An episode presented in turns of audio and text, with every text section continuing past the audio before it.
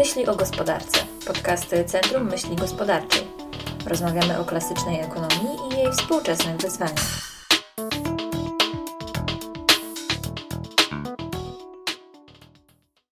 Wilczy kapitalizm i neoliberalny ład, czy może socjalizm i etatyzm? Tymi krańcowo odmiennymi określeniami nazywa się funkcjonujący w Polsce ład gospodarczy.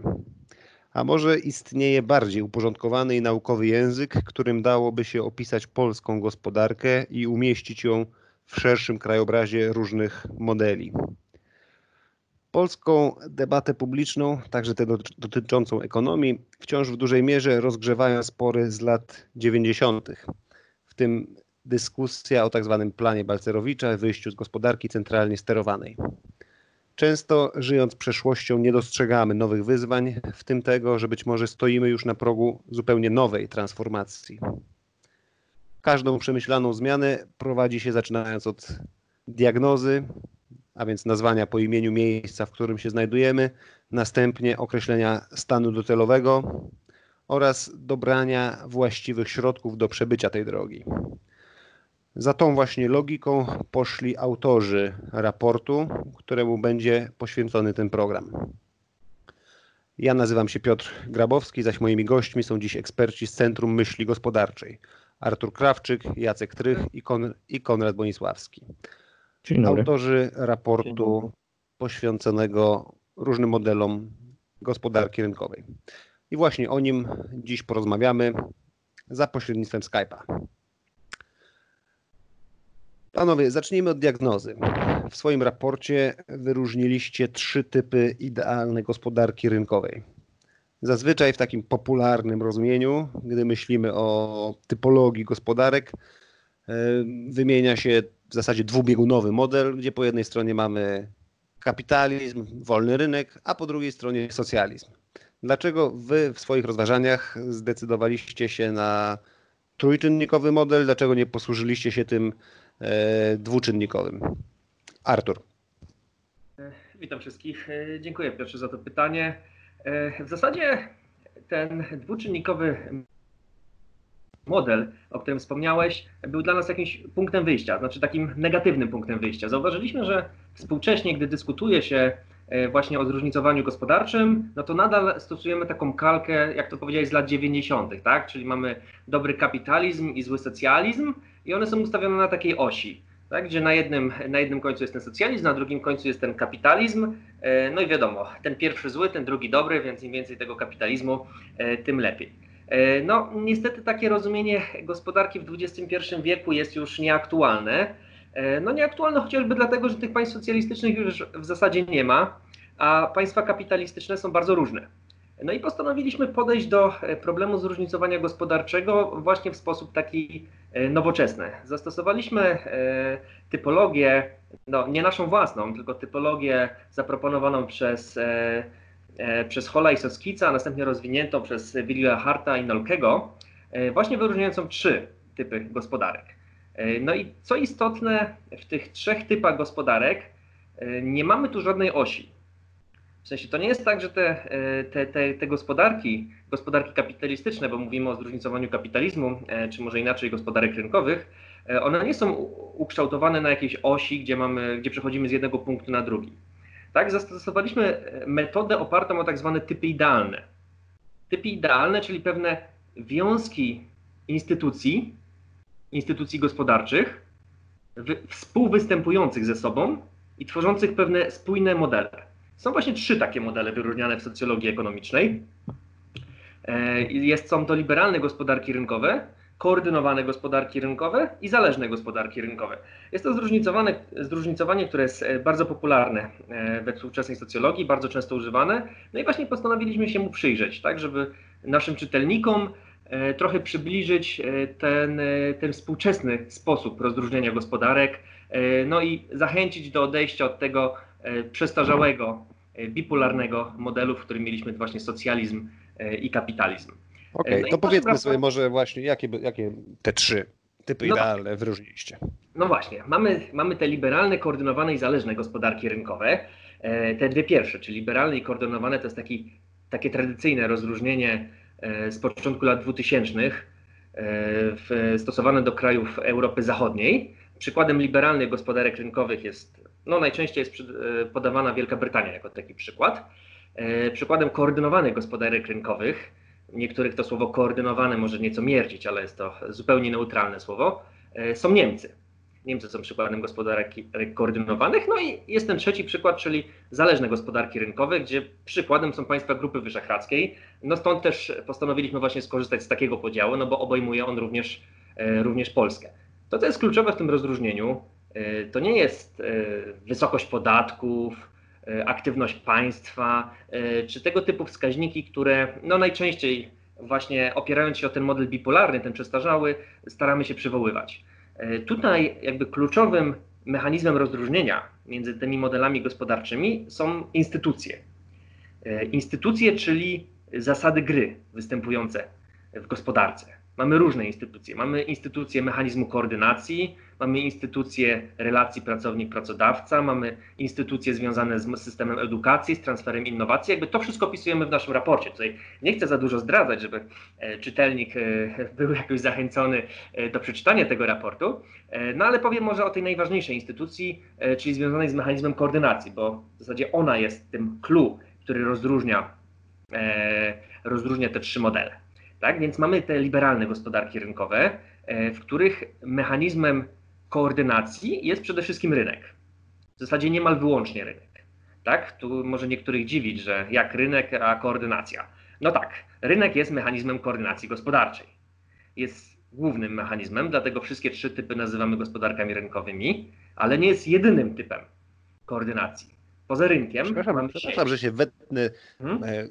Kiedy mówisz o mechanizmie koordynacji, to wydaje mi się, że nie wszyscy będą e, dokładnie rozumieli, w czym jest rzecz. Jak, hmm? jeżeli dobrze rozumiem, to mechanizm koordynacji to jest po prostu sposób, w jaki e, w danej gospodarce co utrwalają się nie wiem, e, relacje gospodarcze, w sposób w jaki ustalają się ceny, popyt, podaż, jakbyś mógł tak to bardziej konkretnie, namacalnie powiedzieć.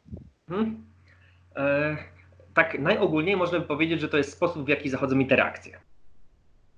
Taką najprostszą interakcją jest wymiana gospodarcza. No i tutaj oczywiście rynek jest tym najważniejszym mechanizmem. No ale mamy też wszystkie inne interakcje.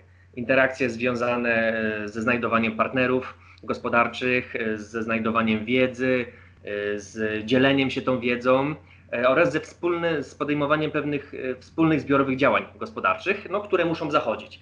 Bez koordynacji gospodarka zasadniczo nie mogłaby istnieć. To musimy sobie powiedzieć, tak?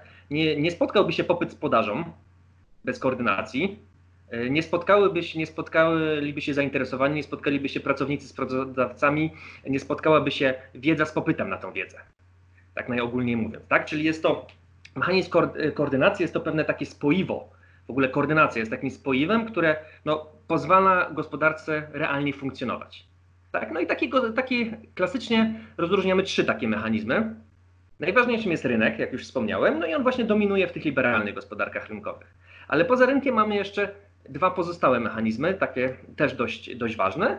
Jednym jest sieć, czyli pewne narzędzia nieformalnej, nierynkowej współpracy między podmiotami. Tu mogą być porozumienia, jakieś e, organizacje branżowe i tak dalej. One w Niemczech są właśnie bardzo istotne. Tam mamy samorząd gospodarczy.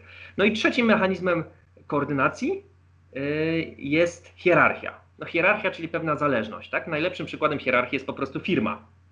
Tak? Firma jest organizacją hierarchiczną, a nie rynkową, wewnętrzną. E, no ale jeśli ten mechanizm hierarchiczny poza firmę wychodzi na otoczenie gospodarcze, e, no to wtedy mamy zależne gospodarki rynkowe, no i tam akurat właśnie tym, e, tym, tym koordynatorem jest kapitał zagraniczny, czyli firmy zagraniczne, które poprzez swoje powiązania kapitałowe no, wpływają na to, jak ta koordynacja w gospodarce zachodzi. Dobrze, czyli mamy trzy typy: gospodarka liberalna, gospodarka koordynowana w przypadku pierwszej y, to jest przykładem są na przykład tak, Stany Zjednoczone czy, czy Wielka Brytania, drugi to Niemcy i ten trzeci typ, czyli właśnie rynkowa gospodarka zależna. zależna. I tu byśmy powiedzieli o Polsce. I tu dochodzimy właśnie do diagnozy jednej, jednej z moim zdaniem ważniejszych części waszego raportu, gdzie jak rozumiem stawiacie tezę, że model gospodarki zależnej w przypadku Polski już się wyczerpał. Pytam teraz Jacka Trycha, dlaczego? Dlaczego postulujecie odejście od modelu gospodarki zależnej? Mhm, tak, to jest, bardzo dobre pytanie. No, patrząc na ostatnie 30 lat, e, warto mieć na uwadze, że formuła, tej gospodarki zależnej, e, która była oparta na przyciąganiu przede wszystkim kapitału zagranicznego do inwestycji w kraju, e, co też oczywiście pozwoliło nam rozwinąć się po okresie PRL-u, E, jednak nie jest to wystarczające i w obecnej perspektywie, e, znaczy obecnie staję przed perspektywą takiej swego rodzaju stagnacji, głównie z powodu czekającej nas na końcu tej drogi pułapki średniego produktu i średniego dochodu. Mm, a dlaczego? To już, już o tym mówię. E, jeśli spojrzymy na, na przykład przez Nolkego i Wigenharta e, i uwzględnioną w naszym raporcie liczbę patentów zgłaszanych rokrocznie w Polsce na udział zaawansowanych technologicznie naszych produktów w gospodarce, na poziom wydatków na badania i rozwój, czy na poziom zarobków Polaków, a następnie porównamy te wszystkie dane dla Polski z państwami wysoko rozwiniętymi już w tym momencie i również z drogą, jaką powiedzmy przebyły i mają za sobą, to widać wyraźnie, że bez y, korekt w funkcjonowaniu naszej gospodarki będziemy wiecznie takim goniącym króliczkiem zaobiecywanym, tuż, tuż mającym się ziścić dobrobytem i, wówczas zaliczeniem nas do, również do grona tych państw wysoko rozwiniętych. Mm, wszystkie te wskaźniki, które wymieniłem, nawzajem, nawzajem na, na siebie oddziałują i są, są powiedzmy objawem tego, tego zagrożenia, ale poza nim są także inne, jak chociażby udział polskiego kapitału w kluczowych e, sektorach, e, jak na przykład bankowości, czego tutaj koronnym przykładem jest e, kryzys sprzed 10 lat, kiedy to mimo dobrej i stabilnej sytuacji w Polsce banki z kapitałem zagranicznym wstrzymywały akcję kredytową w Polsce. No, wszystko to tak na dobrą sprawę roztacza taką, taki obraz swego rodzaju państwa neokolonialnego, w którym niewiele trzeba inwestować, jest dostęp do relatywnie taniej siły roboczej, a otrzymuje się wysoką stopę zwrotu inwestycji e, w zamian i, i, i jeszcze co, co najlepsze, można w dowolnym momencie się wycofać. No to, to, to nie, powoduje, nie powoduje i nie spowoduje z pewnością bogacenia się państwa, czy już nie mówiąc o, o zwykłych o zwykłych Polakach. Czyli rozumiem to tak. Nie twierdzicie, że wpadnięcie Polski w ten model gospodarki zależnej e, po transformacji 1989 roku było błędem. To jest prawdopodobnie inna dyskusja. Być może, być może na tamtym etapie e, to był właściwy model, chociaż tym się w raporcie nie zajmujecie, ale niezależnie od tego, jak oceniamy przeszłość, teraz uważacie, że doszliśmy już w pewnym sensie do ściany, tak? E, I te, te rzeczy, o których powiedziałeś, no, stopują nas przed dalszym e, wysokim e, rozwojem gospodarczym, tak? Zgadza się. Mhm. To do, dopytuję jeszcze czy ta refleksja, którą wy zawarliście w raporcie, czy dostrzegacie ją w, no, w polskim życiu publicznym? Czy, czy, czy innymi słowy są, nie wiem, siły polityczne na przykład, które mniej lub bardziej otwarty sposób e, podobnie to widzą? Mhm. Tak, tutaj warto, warto na sam początek, chyba to jest najważniejsze, co, co myślę, mi przychodzi od razu do głowy, to słynny plan Morawieckiego, choć minęło już parę lat od tego momentu, 2016 rok bodajże, mm, w którym między innymi był poruszany problem średniego produktu, średniego dochodu, który, przed, przed którą perspektywą Polska e, staje. No i także wskazywano na rozwiązania, które pozwoliłyby uniknąć tego. Niestety wydaje się, że bieżące problemy, problemy, zawirowania polityczne bardziej e, na razie mm, skupiły uwagę rządu, e, przez co te, te założenia, mm, założenia nie, są w pełni realizowane tak, jakby mogły być. I nie jest ten temat też drążony o tyle, żeby można było e, rozpocząć rzeczywistą debatę na, na, na temat tego, w jakim kierunku podążać, aby, aby Polska rzeczywiście weszła na drogę na drogę do, ku, ku, ku, państw, ku, ku stania się państwu, państwem wysoki, wysoko rozwiniętym. Okej, okay, taką mamy diagnozę. Gospodarka zależna jako model powoli się wyczerpuje. No i naturalne pytanie, co dalej, tak? Czyli który z tych dwóch pozostałych e, typów idealnych e, jest optymalny. W swoim raporcie piszecie następująco. Nie obserwujemy długookresowych różnic w tempie wzrostu gospodarczego pomiędzy gospodarkami koordynowanymi i liberalnymi. Tak? Czyli nie ma to był cytat, czyli nie ma jakichś dowodów na to, że jeżeli, jeżeli weźmiemy pod uwagę po prostu ten czysty wskaźnik, e, załóżmy wzrostu PKB, no to trudno powiedzieć, który model jest lepszy. A jednak opowiadacie się za tym, żeby Polska podążała za, do, do modelu rynkowej gospodarki koordynowanej. Dlaczego? Konrad. Zanim odpowiem, to może jeszcze adwocem, y, bo padła taka uwaga y, z Twoich ust, y, Piotrze, że nie było w tym nic złego, że Polska obrała model zależnej gospodarki rynkowej. Mi się wydaje, że to nie było intencjonalne, przynajmniej ze strony wszystkich decydujących o, tych, o tym osobach na początku lat 90. Dość powiedzieć, że nawet no, odległy mi pod każdym względem E, premier e, Mazowiecki wydawał się poszukiwać inspiracji dla rozwoju życia gospodarczego, czy właściwie odbudowy, trzeba by tak powiedzieć, raczej za naszą zachodnią granicą, czyli, czyli w Republice, ówczesnej Republice Federalnej Niemiec, czy też w tym, w tym jej momencie dziejowym, w którym się znajdowała podobnym jak Polska, czy tak powiedzmy po, po, po II wojnie światowej, zachowując wszelkie proporcje. No a przy, wzięliśmy model e, no, poniekąd trochę gospodarki liberalnej, jednocześnie popadając w jakąś tam e, sporą zależność, stąd też ten termin zależnej gospodarki rynkowej do Polski pasuje, pasuje idealnie.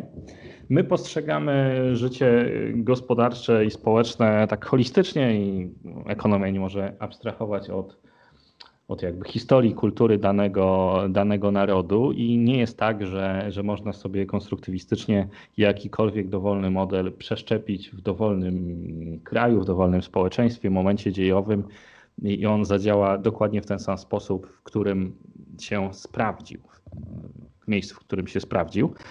I naszym najgłębszym przekonaniem jest to, że do Polski i też taka potrzeba chwili jest teraz, najbardziej pasuje model gospodarki koordynowanej, biorąc pod uwagę no choćby naszą tradycję historyczną, solidarność, Kościół, nie będziemy się na ten temat dzisiaj rozwodzić, ale też, też y, twarde dane y, empiryczne dotyczące y, tego, jak model koordynowany, jakie ma skutki, jeśli chodzi o właśnie chociażby kwestie, kwestie zatrudnienia, dostępu do kredytu obrotowego, eksportowego, wydaje nam się, że na nasze potrzeby obecne Polski i wspomniany tutaj plan Morawieckiego chyba trochę szedł w tym kierunku w swojej diagnozie. Na nasze potrzeby najlepszy jest model gospodarki koordynowanej i, i, i też te, te elementy dostrzegamy. Słowo jako taki adwocem, e, to jednym e, z tych wyróżników są, e, przez nas zastosowanych są pewne przewagi, jakie budują te modele. My tam nie oceniamy, czy te przewagi są lepsze lub gorsze, no ale one są inne. No i model koordynowany buduje przewagi w zaawansowanym przemyśle, a warto podkreślić, że nasza gospodarka jest właśnie gospodarką wysoko uprzemysłowioną. Więc to jest też jeden z powodów, dla których ten model koordynowany wydaje się przynajmniej być bardziej dopasowany do naszych realiów. Tak, też abstrahując od, bo, bo Piotr wspomniał o jakimś długo, długoterminowym mm, okresie, gdzie, gdzie być może rzeczywiście znaczących przewag między tymi dwoma pozostałymi modelami nie widać, natomiast są pewne takie fragmenty e, historii rozwoju obu tych e, modeli, gdzie jakąś tam jednak przewagę modelu koordynowanego e, można dostrzec, choćby to już jest taka dość zamierzchła e, przeszłość, ale, ale pasuje jak najbardziej do, do uwagi Artura. w pewnym okresie czasu, latach 60., 70., firmy niemieckie wypchnęły praktycznie całkowicie z rynków międzynarodowych firmy brytyjskie w kilku branżach. Czego, czego powodów upatruje się między innymi w pewnych elementach koordynowanej gospodarki rynkowej, jak na przykład dostępie do taniego kredytu obrotowego i eksportowego? w modelu, w modelu tym liberalnym finansowanie firm odbywa się tak jakby modelowo, systemowo w trochę inny sposób. No to jest ciekawa dyskusja, nie tylko dlatego, że no właśnie łączy tutaj wiele wątków, chociażby takie, o których Konrad teraz wspomniałeś, ale także pokazuje, jak no, tak naprawdę inter, interdyscyplinarnego podejścia wymaga także namysł ekonomiczny. Tu nie chodzi tylko o budowanie jakichś optymalnych e, modeli ekonometrycznych, ale też no właśnie wniknięcie trochę e, w takie no, socjologiczne rozważania tak naprawdę, tak? Czyli który z modeli ewentualnie łatwiejszy byłby do zaadaptowania, czyli to, nie wiem, zamienia się to tak naprawdę jakieś poszukiwania trochę charakteru narodowego, czy e, różnych innych struktur społecznych, no to jest ciekawa dyskusja, nie chciałbym jej rozwijać, choć tutaj muszę zaznaczyć tylko, że no mam pewną wątpliwość, czy rzeczywiście, tak jak powiedziałem, charakter narodowy Polaków naprawdę rzeczywiście bardziej pasuje do tej gospodarki skoordynowanej, czy ta przypadkiem zakorzeniona w nas głęboko wolność e, jeszcze ta powiedzmy szlachecka nie e, ciągnie nas bardziej ku liberalizmowi, ale to w trend, zawieszam go, proszę go z tym nie dyskutować. Zostawiam z tym e, naszych czytelników, naszych słuchaczy, czytelników raportu. Ok, czyli mamy postawioną diagnozę, powiedzieliśmy dlaczego e, gospodarka tak, rynkowa koordynowana wydaje się właściwsza niż liberalna. E, no i ostatnia kwestia w takim razie, jak do tego modelu skoordynowanego dojść? Jakie tutaj recepty e, są najwłaściwsze? I wy stawiacie w swoim raporcie konkretne recepty, konkretne propozycje. Jest ich kilka, nie chcę wszystkich bardzo szczegółowo omawiać, dlatego proponuję, żeby każdy z Was wymienił po jednej, po, tym, po jednej wybierając tą, którą E, która wydaje mu się z jakichś przyczyn najważniejsza. Zacznijmy od Artura. Tak, aż chciałbym się podyskutować z Twoim trendem, no ale może e, zorganizujemy inny podcast na ten temat i wtedy sobie podyskutujemy, e, skoro tak. No tak, co do Twojego właściwego pytania, no cóż, jeśli zastosowaliśmy model oparty o mechanizm koordynacji, o rozróżnianie względem mechanizmu koordynacji, no i chcemy budować, wyszło nam przynajmniej z analizy, że e, optymalnym modelem byłaby budowa w Polsce koordynowanej gospodarki rynkowej. Cóż, no to najważniejszą reformą e, powinna być reforma, która buduje ten mechanizm koordynacji, tak? czyli pozwala, e, pozwala przedsiębiorcom ze sobą współpracować po prostu. No i myśleliśmy trochę nad tym, jak, i, znaczy w jaki sposób ich tu zachęcić do tej współpracy, albo może trochę przymusić do tej współpracy. No i Stosując wzorce e, z państw właśnie gospodarek koordynowanych, e, no znaleźliśmy taką propozycję. Jest nią e, budowa w Polsce powszechnego samorządu gospodarczego. Tak, samorządu, który byłby niezależny od pozostałych form władzy, czyli od władzy centralnej i władzy samorządowej, byłby nową formą władzy, nową formą władzy gospodarczej. Tak? Byłoby samorząd zrzeszający w sposób powszechny wszystkich przedsiębiorców, już mniejsza, jakby on, był, jakby on by tam był um, podzielony wewnętrznie, jaką miałby strukturę, to możecie sobie Państwo e, słuchający nas e, doczytać w naszym raporcie, do tego zachęcam. E, no warto jednak podkreślić, że jest coś takiego jak samorząd gospodarczy. E, są jego dwie formy. E, jedną jest model kontynentalny, czyli właśnie powszechny samorząd gospodarczy, który my proponujemy. Jest to samorząd powszechny. Samorząd, który posiada władztwo administracyjne, które realizuje cele publiczne, E, który zrzesza z mocy prawa wszystkich przedsiębiorców. E, no tak, no i on byłby narzędziem, który wymuszałby tą koordynację niejako do momentu, w którym oczywiście ona weszłaby w jakiś, w jakiś nawyk. Tak? Dzięki temu samorządowi mielibyśmy lepsze prawo gospodarcze, bo głos przedsiębiorców no jakby był, byłby słyszalny na nowym poziomie. Tak? To mielibyśmy nową formę władzy, która z mocy swojego autorytetu i z mocy swojego usadowienia w prawie opiniuje akty prawne.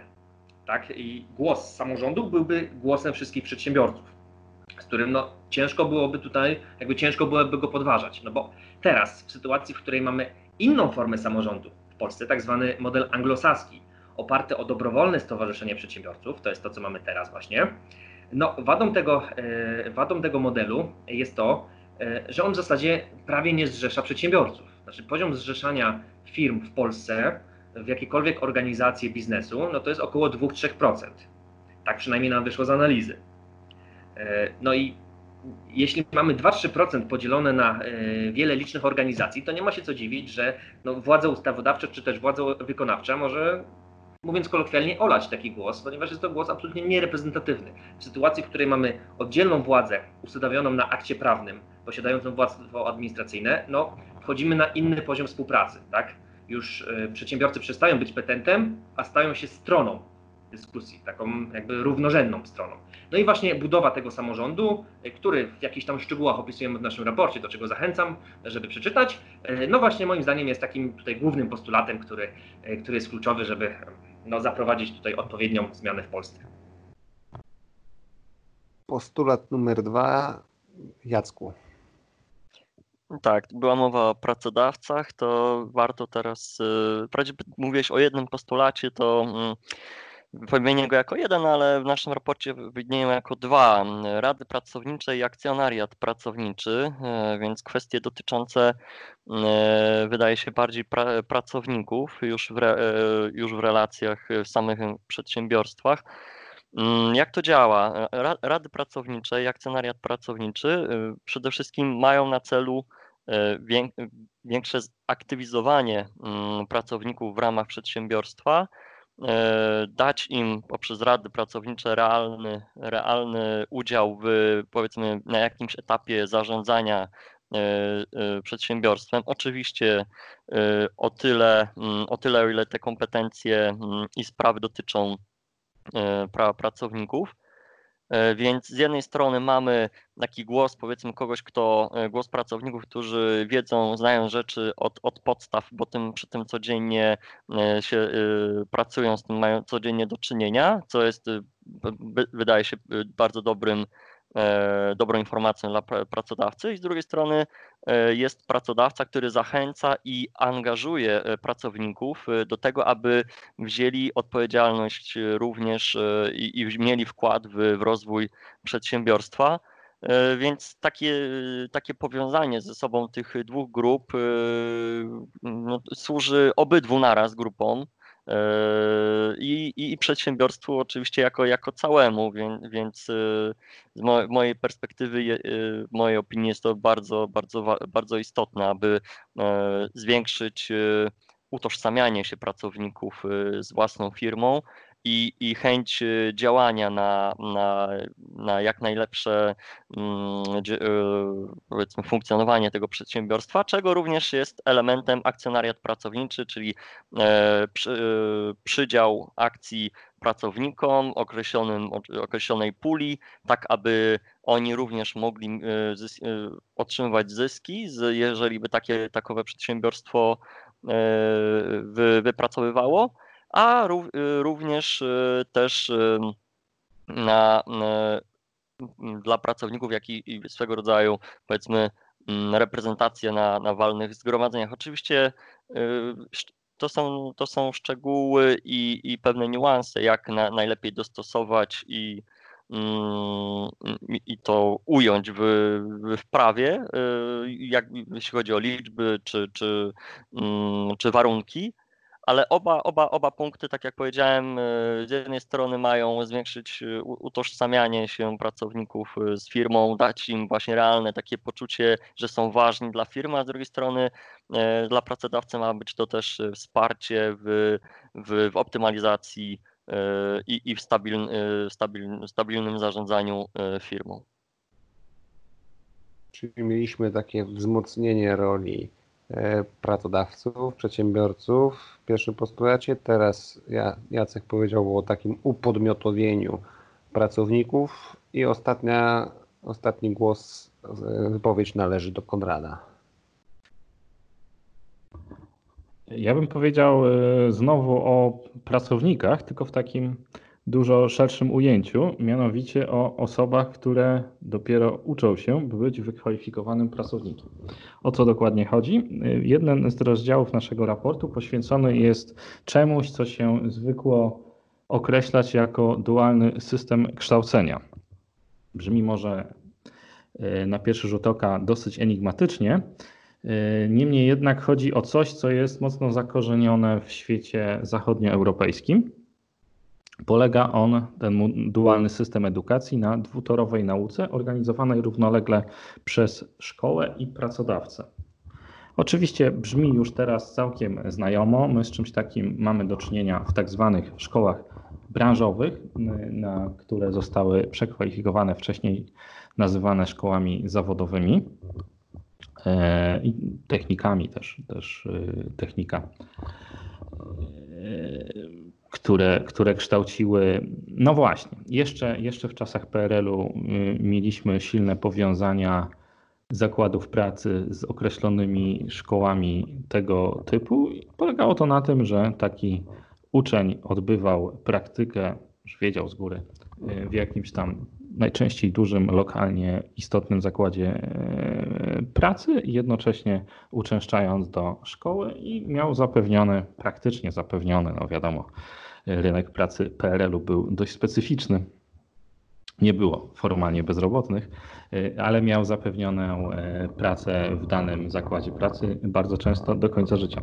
Oczywiście nie ma, nie ma już sensu wracać do tego i, i było to, to pod wieloma względami nieefektywne.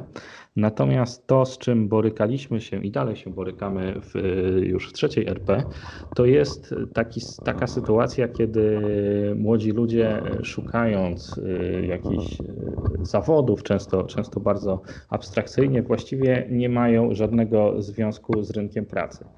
Tutaj ja wspominałem o, o sytuacji takiego powiedzmy wykwalifikowanego robotnika, natomiast dualny system edukacji y, odnosi się również do osób, które kończą szkoły wyższe. Tam bardzo często w niektórych przywoływanych w raporcie e, bardziej szczegółowo e, krajach jest, jest jasny, czytelny podział na uniwersytety i szkoły wyższe, gdzie zupełnie inną, inną rolę mają te szkoły, no takie właśnie kształcące osoby wykwalifikowane, ale nie w kierunku prowadzenia jakichś badań naukowych, ale, ale pracy w konkretnym zawodzie. I z tą istotną różnicą, że y, w tamtych, tamtych systemach jest to bardzo mocno y, powiązane z mm, dużymi pracodawcami, a jeszcze częściej jest to jeszcze bardziej efektywne i tutaj koronnym przykładem y, będą, będą Niemcy. Powiązane jest z czymś, o czym mówił Artur, czyli z samorządem gospodarczym, który przejmuje bardzo, bardzo dużo z roli, no w Polsce, w Polsce jest to głównie rola samorządu, ale terytorialnego, czyli władzy, władzy wybieranej przez nas w wyborach lokalnych. Samorządy gospodarcze w tych krajach przejmują, przejmują e, rolę e, no, władz, władz e, lokalnych czy też, czy też krajowych w formowaniu, w formowaniu systemu edukacji w tym wymiarze, żeby on był bardziej bardziej skierowany na to, by, by takiego ucznia czy też studenta e, kształcić, kształcić bardziej praktycznie i zapewniać mu, zapewniać mu no, wysoko wykwalifikowane miejsce pracy i, i, i na dłużej też, też dbając o to, by, no, by ten pracownik rozwijał się jakoś zawodowo. To też jest jedna, jedna z bolączek Polski i wszystkich zależnych gospodarek rynkowych, że, że te nakłady na pracownika u nas są relatywnie niskie.